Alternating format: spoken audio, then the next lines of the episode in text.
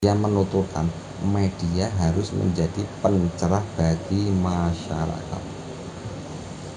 Bank Jateng dan Kejati kerjasama bidang hukum perdata dan tata usaha negara. Bank Jateng menjalin kinerja sama, kerjasama dengan Kejaksaan Tinggi atau Kejati pada bidang hukum perdata dan hukum tata usaha negara. Penandatanganan kesepakatan dilakukan Kepala Kejaksaan Tinggi Jawa Tengah. Penandatanganan kesepakatan bersama juga dilakukan di kantor cabang Bank Jateng Sejateng dengan Kejaksaan Negeri Sejateng.